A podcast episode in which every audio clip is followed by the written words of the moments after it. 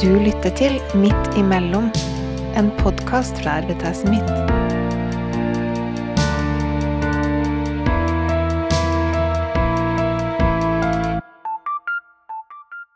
Tortur er et tema som er fjernt for de fleste i Norge. Samtidig tar vi imot et stort antall flyktninger hvert år. Vi vet at mange av de her har torturopplevelser med seg i bagasjen. I Norge så lever det flere titalls tusen personer med flyktningbakgrunn som har vært utsatt for tortur. Hva gjør tortur med mennesker, og hvordan kan vi hjelpe dem som har vært utsatt?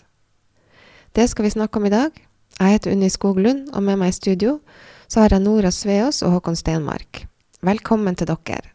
Nora, du er psykolog og professor emeritus ved Universitetet i Oslo, og du er en av Norges fremste eksperter på tortur og torturofre. Håkon, du er psykologspesialist ved RVTS Midt, og jobber bl.a. med utredning og behandling av torturutsatte.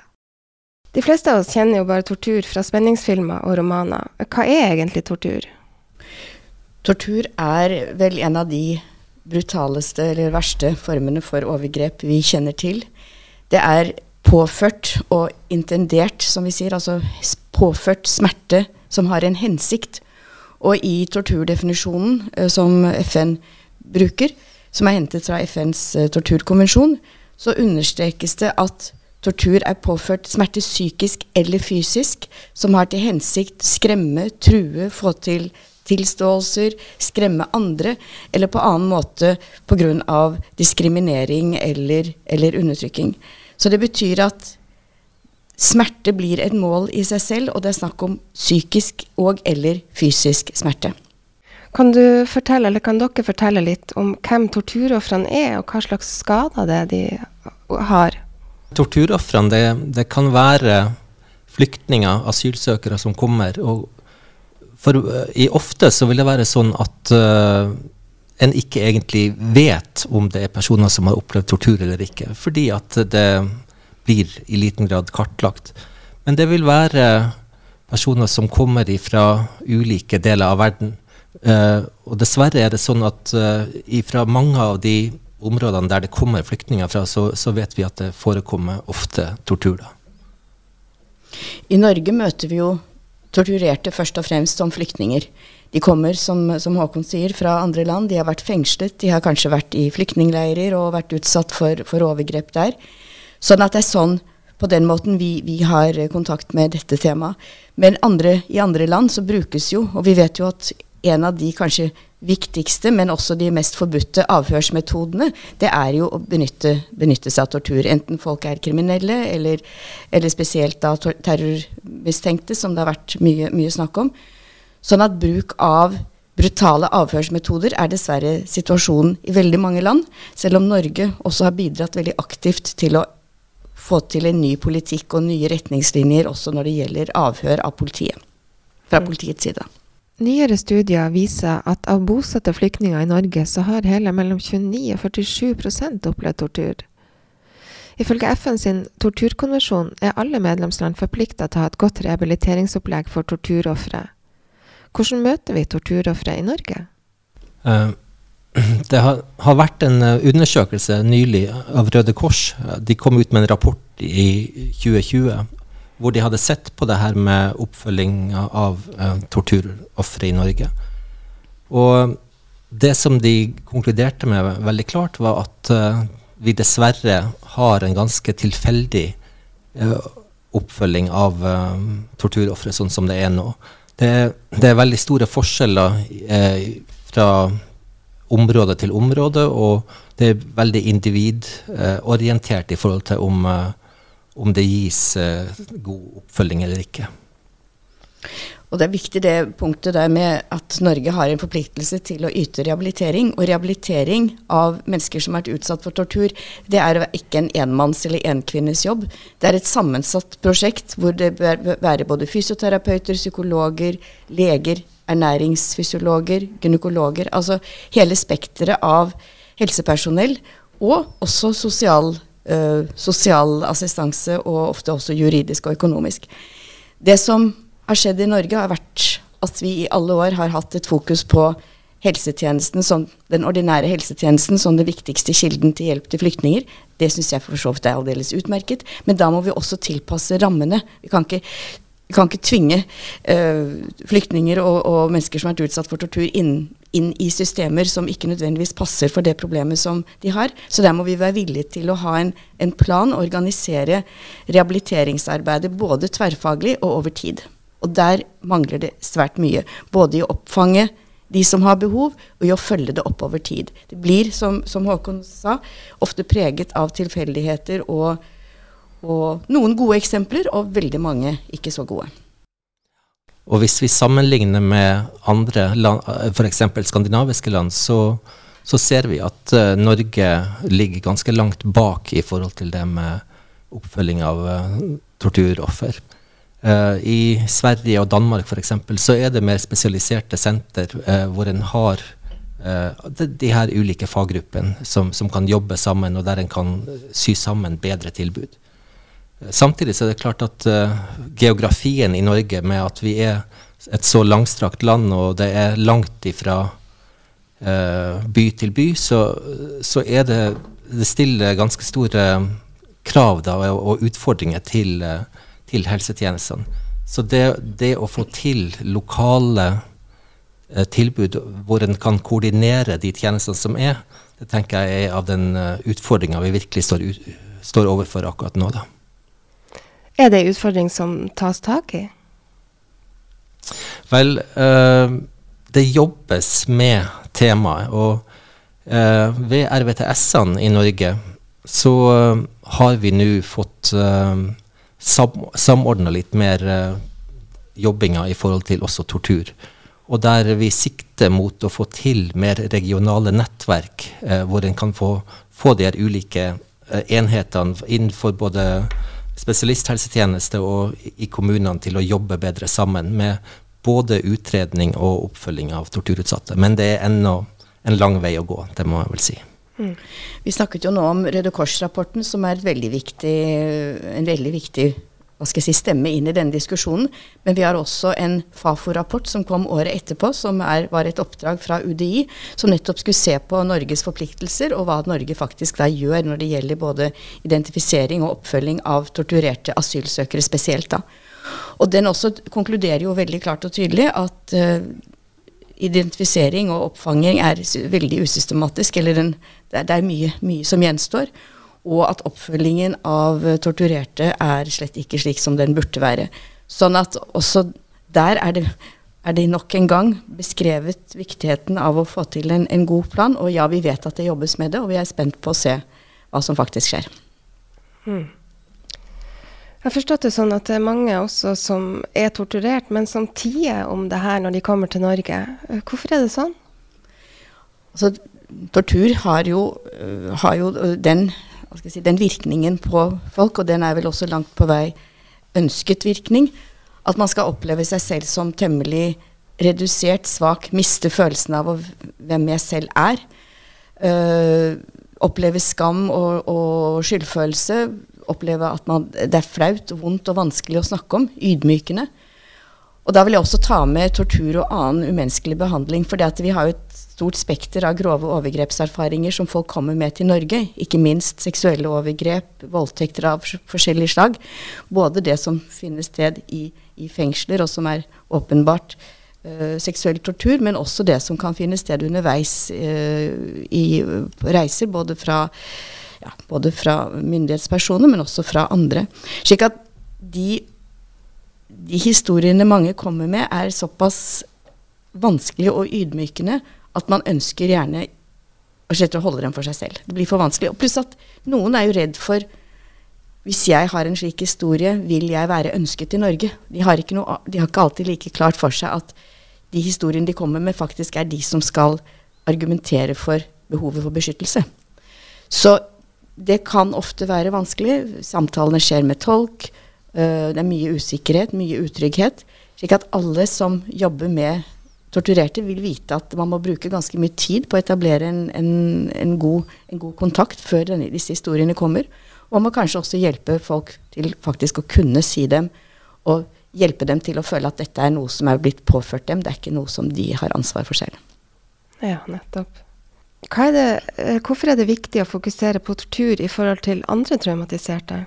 Det er viktig å fokusere på begge deler, som, som Nora er inne på.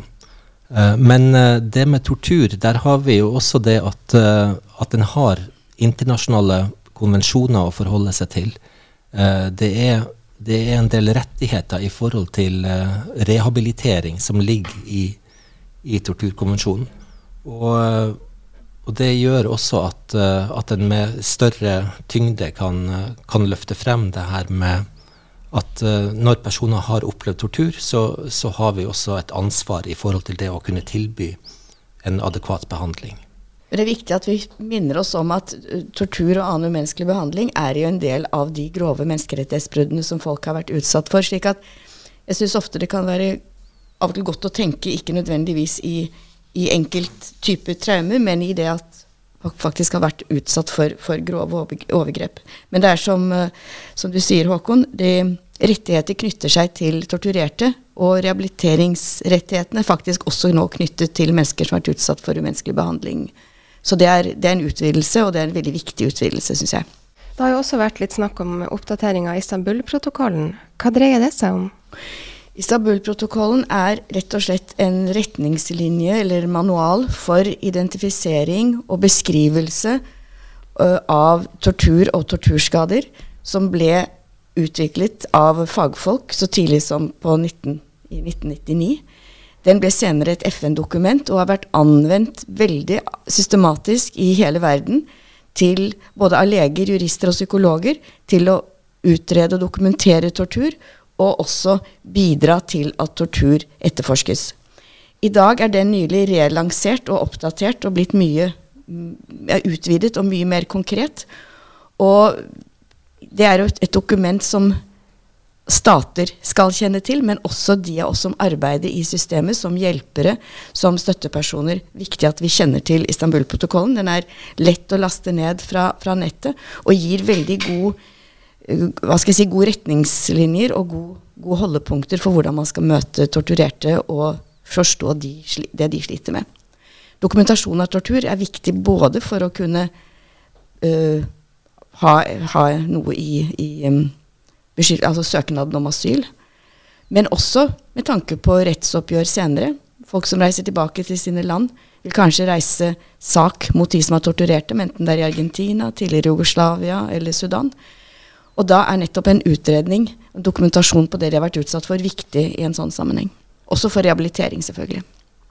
Ifølge Amnesty International så er jo mennesker i hele 141 land blitt utsatt for tortur og annen umenneskelig eller nedverdigende behandling bare i løpet av de siste fem årene. Skjer tortur også i Norge? Jeg tror først jeg har lyst til å si at Det er veldig viktig at sånne rapporter kommer frem, og at det viser så konkret hva som skjer i, i land de rapportene som Amnesty gir ut, beskriver jo veldig klart de overgrepene som finner sted, både i fangenskap, i politistasjoner, men også faktisk i folks hjem i forbindelse med, med overgrep, husundersøkelser og lignende. Pluss at den, det inkluderer jo de forholdene som mange steder er så dramatiske, enten det er i fengsler eller til og med også sykehus, at det tenderer til, eller det, det ligger opp mot tortur. Sånn at vi er vi trenger rapporter som beskriver det som skjer, også i land hvor vi blir overrasket over at det skjer. Og så spør du skjer det i Norge. Det er vanskelig å si at ja, i Norge skjer det tortur. Men vi skal vite at arbeidet med å forebygge at det skjer, har jo fått veldig stor betydning nå de senere årene. I Norge har vi noe som heter eh, torturforebyggende enhet, som er en konsekvens av at vi sluttet oss til tilleggsprotokollen for torturkonvensjonen for uh, nå over ti år siden som forplikter hvert land å ha en mekanisme eller et utvalg som reiser rundt på sykehus, steder for boenheter for mennesker med utviklingshemming, sykehjem, fengsler, politistasjoner, psykiatriske avdelinger, for å se om det er forhold der, på bakgrunn av intervjuer både med pasienter, innsatte og ansatte. Om det er forhold som faktisk vil kunne gå i retning av, eller kunne føre til umenneskelig behandling eller til og med tortur. Slik at vi har et stort arbeid i gang i Norge for å forebygge at tortur finner sted. Og det er jo det sånne rapporter og sånne hva skal jeg si, uh, utvalg og komiteer i FN også kan bidra med å, å holde høyt i hevd. Forebygge at tortur finner sted, og undersøke veldig grundig der det finner sted, og hjelpe de som har vært utsatt. Men uh, finnes det noe behandlingstilbud for torturutsatte i Norge?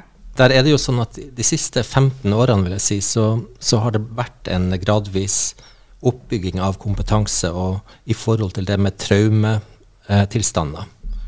Eh, innenfor psykisk helsevern kanskje særlig, så, så har en satsa på skolering og, og, også på en del uh, enheter i forhold til jobbing med, med traumer. Uh, men spesielt i forhold til tortur så har vi jo ikke, som, som vi snakka om tidligere, også noen spesielle enheter. vi, har, vi har en del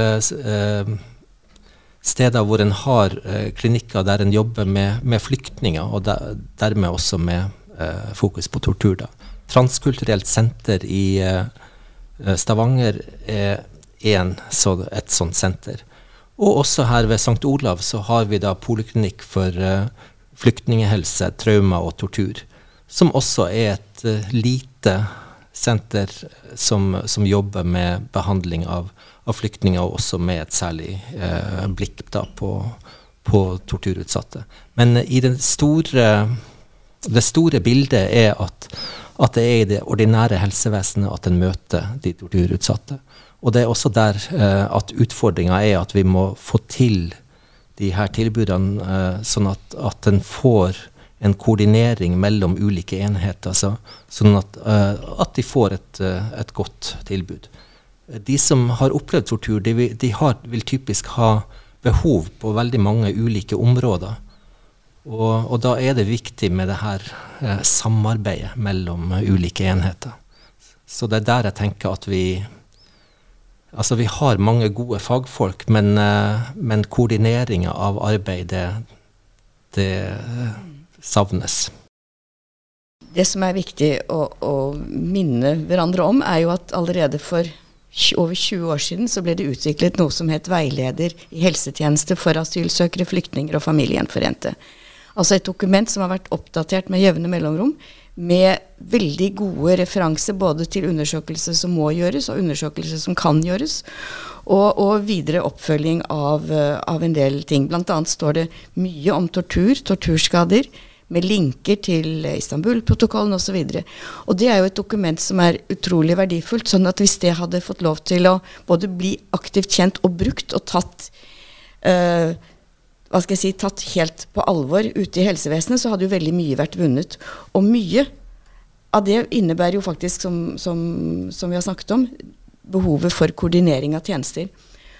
Og undersøkelser viser at mange flyktninger med alvorlige torturskader og andre former for skader, det tar ofte lang tid før de kommer inn i helsetjenesten, og særlig spesialisthelsetjenesten. Og, og vi, sånn kan vi ikke ha det. Derfor er jo vekten på tidlig identifisering viktig. Ikke noen full screening av alle som kommer, men en tidlig helsesamtale der man også direkte blir spurt om man har vært utsatt for tortur, overgrep, voldtekt eller lignende. Det er begynt nå, så vidt, uh, i forbindelse med mottak av ukrainske flyktninger. Og, men det som da blir det store spørsmålet, er hva skjer når folk sier at ja, det har de vært utsatt for. Blir de da tatt inn til en samtale? Forslaget fra oss som en, en gruppe forskere som har sett på dette, anbefaler jo at en slik første samtale oppfølges av en litt grundigere samtale, hvis det er eh, grunnlag for det. Og så en spesialistutredning for å, for å, både med tanke på asylsøknaden, men også med tanke på helsemessig oppfølging. I Norge så er vi jo veldig opptatt av å overholde menneskerettigheter. Og Likevel så oppfyller vi ikke de her internasjonale forpliktelsene i forhold til hvordan vi møter mennesker som har opplevd tortur. Helt konkret, hva bør norske myndigheter få på plass? Er det det, her, eh, det du snakka om nå, den her første samtalen, og så en oppfølging? Eller er det andre ting som også må på plass? Jeg har lyst til å vise igjen til den uh, Røde Kors-rapporten, uh, der en også hadde en konkret anbefaling om et nasjonalt senter som jobber spesielt med tortur. Det, vi hadde tidligere uh, psykososialt senter for flyktninger, der fokus på tortur var en sentral del av, uh, av det som de jobba med. Uh, det ble lagt ned for ganske lang tid tilbake, og jeg tenker at, at det å få et, et senter som har et større ansvar i forhold til det her, vil være én del av, av, en mer koordinering av, av tiltak og, og fokus på, på, på dette området. Jeg kunne ha lyst til å bare si veldig kort noen av disse viktigste forpliktelsene som Norge har, bl.a. I, i kraft av torturkonvensjonen. Og det ene, det ene, er jo faktisk opplæring av personell, altså opplæring av alle typer personell, både, både helsepersonell, men også altså politi, militære, dommere, jurister, i torturkonvensjonen. Det er artikkel 10 i torturkonvensjonen som forplikter alle land til å ha et godt undervisningssystem som sikrer opplæring i torturkonvensjonen. Tortur, identifisering av tortur og forståelse av torturens følger. Der har vi veldig mye igjen, ikke minst i grunnutdanningene eh, både på psykologi, medisin og andre. Det ligger for øvrig også i den Røde Kors-rapporten som du har vist til. Så det er de ene som vi ikke følger opp i det hele tatt, og bør noen må se mer aktivt på dette. Og så er det dette med ikke tilbakeføring til tortur. Det er artikkel 3 i torturkonvensjonen, og den er glassklar. Man skal ikke sende mennesker tilbake igjen til situasjoner hvor de kan bli utsatt for tortur igjen. Derfor, eller utsatt for tortur enten de har vært det før eller ikke. Men vi vet av erfaring at mennesker som har vært utsatt for tortur, kan bli det igjen. Derfor er jo dokumentasjon av at de har vært utsatt for tortur, viktig for å forebygge hjemsendelse til tortur. Og da er tidlig helseundersøkelse viktig. Og ifølge både det europeiske direktivet og ifølge ni av ti anbefalinger til stater i asylsaker fra FN, så er nettopp det med helseundersøkelse og bruk av Istanbul-protokollen understreket som en av forpliktelsene. Det skal man gjøre. Og selvfølgelig dette med rehabilitering, at man har et godt rehabiliteringstilbud.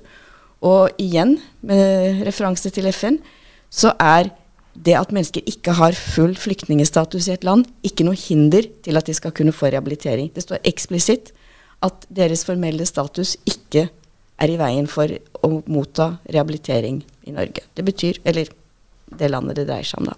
Det betyr at også asylsøkere vil kunne komme inn i et rehabiliteringsopplegg, uh, noe som i dag også har vist seg vanskelig. Så det er absolutt vilje til stede til å, å, gjøre disse tingene, men jeg tror vi må konkretisere forpliktelsene, slik at de faktisk kan lettere etterfølges, både når det gjelder undervisning og direkte tiltak overfor flyktninger.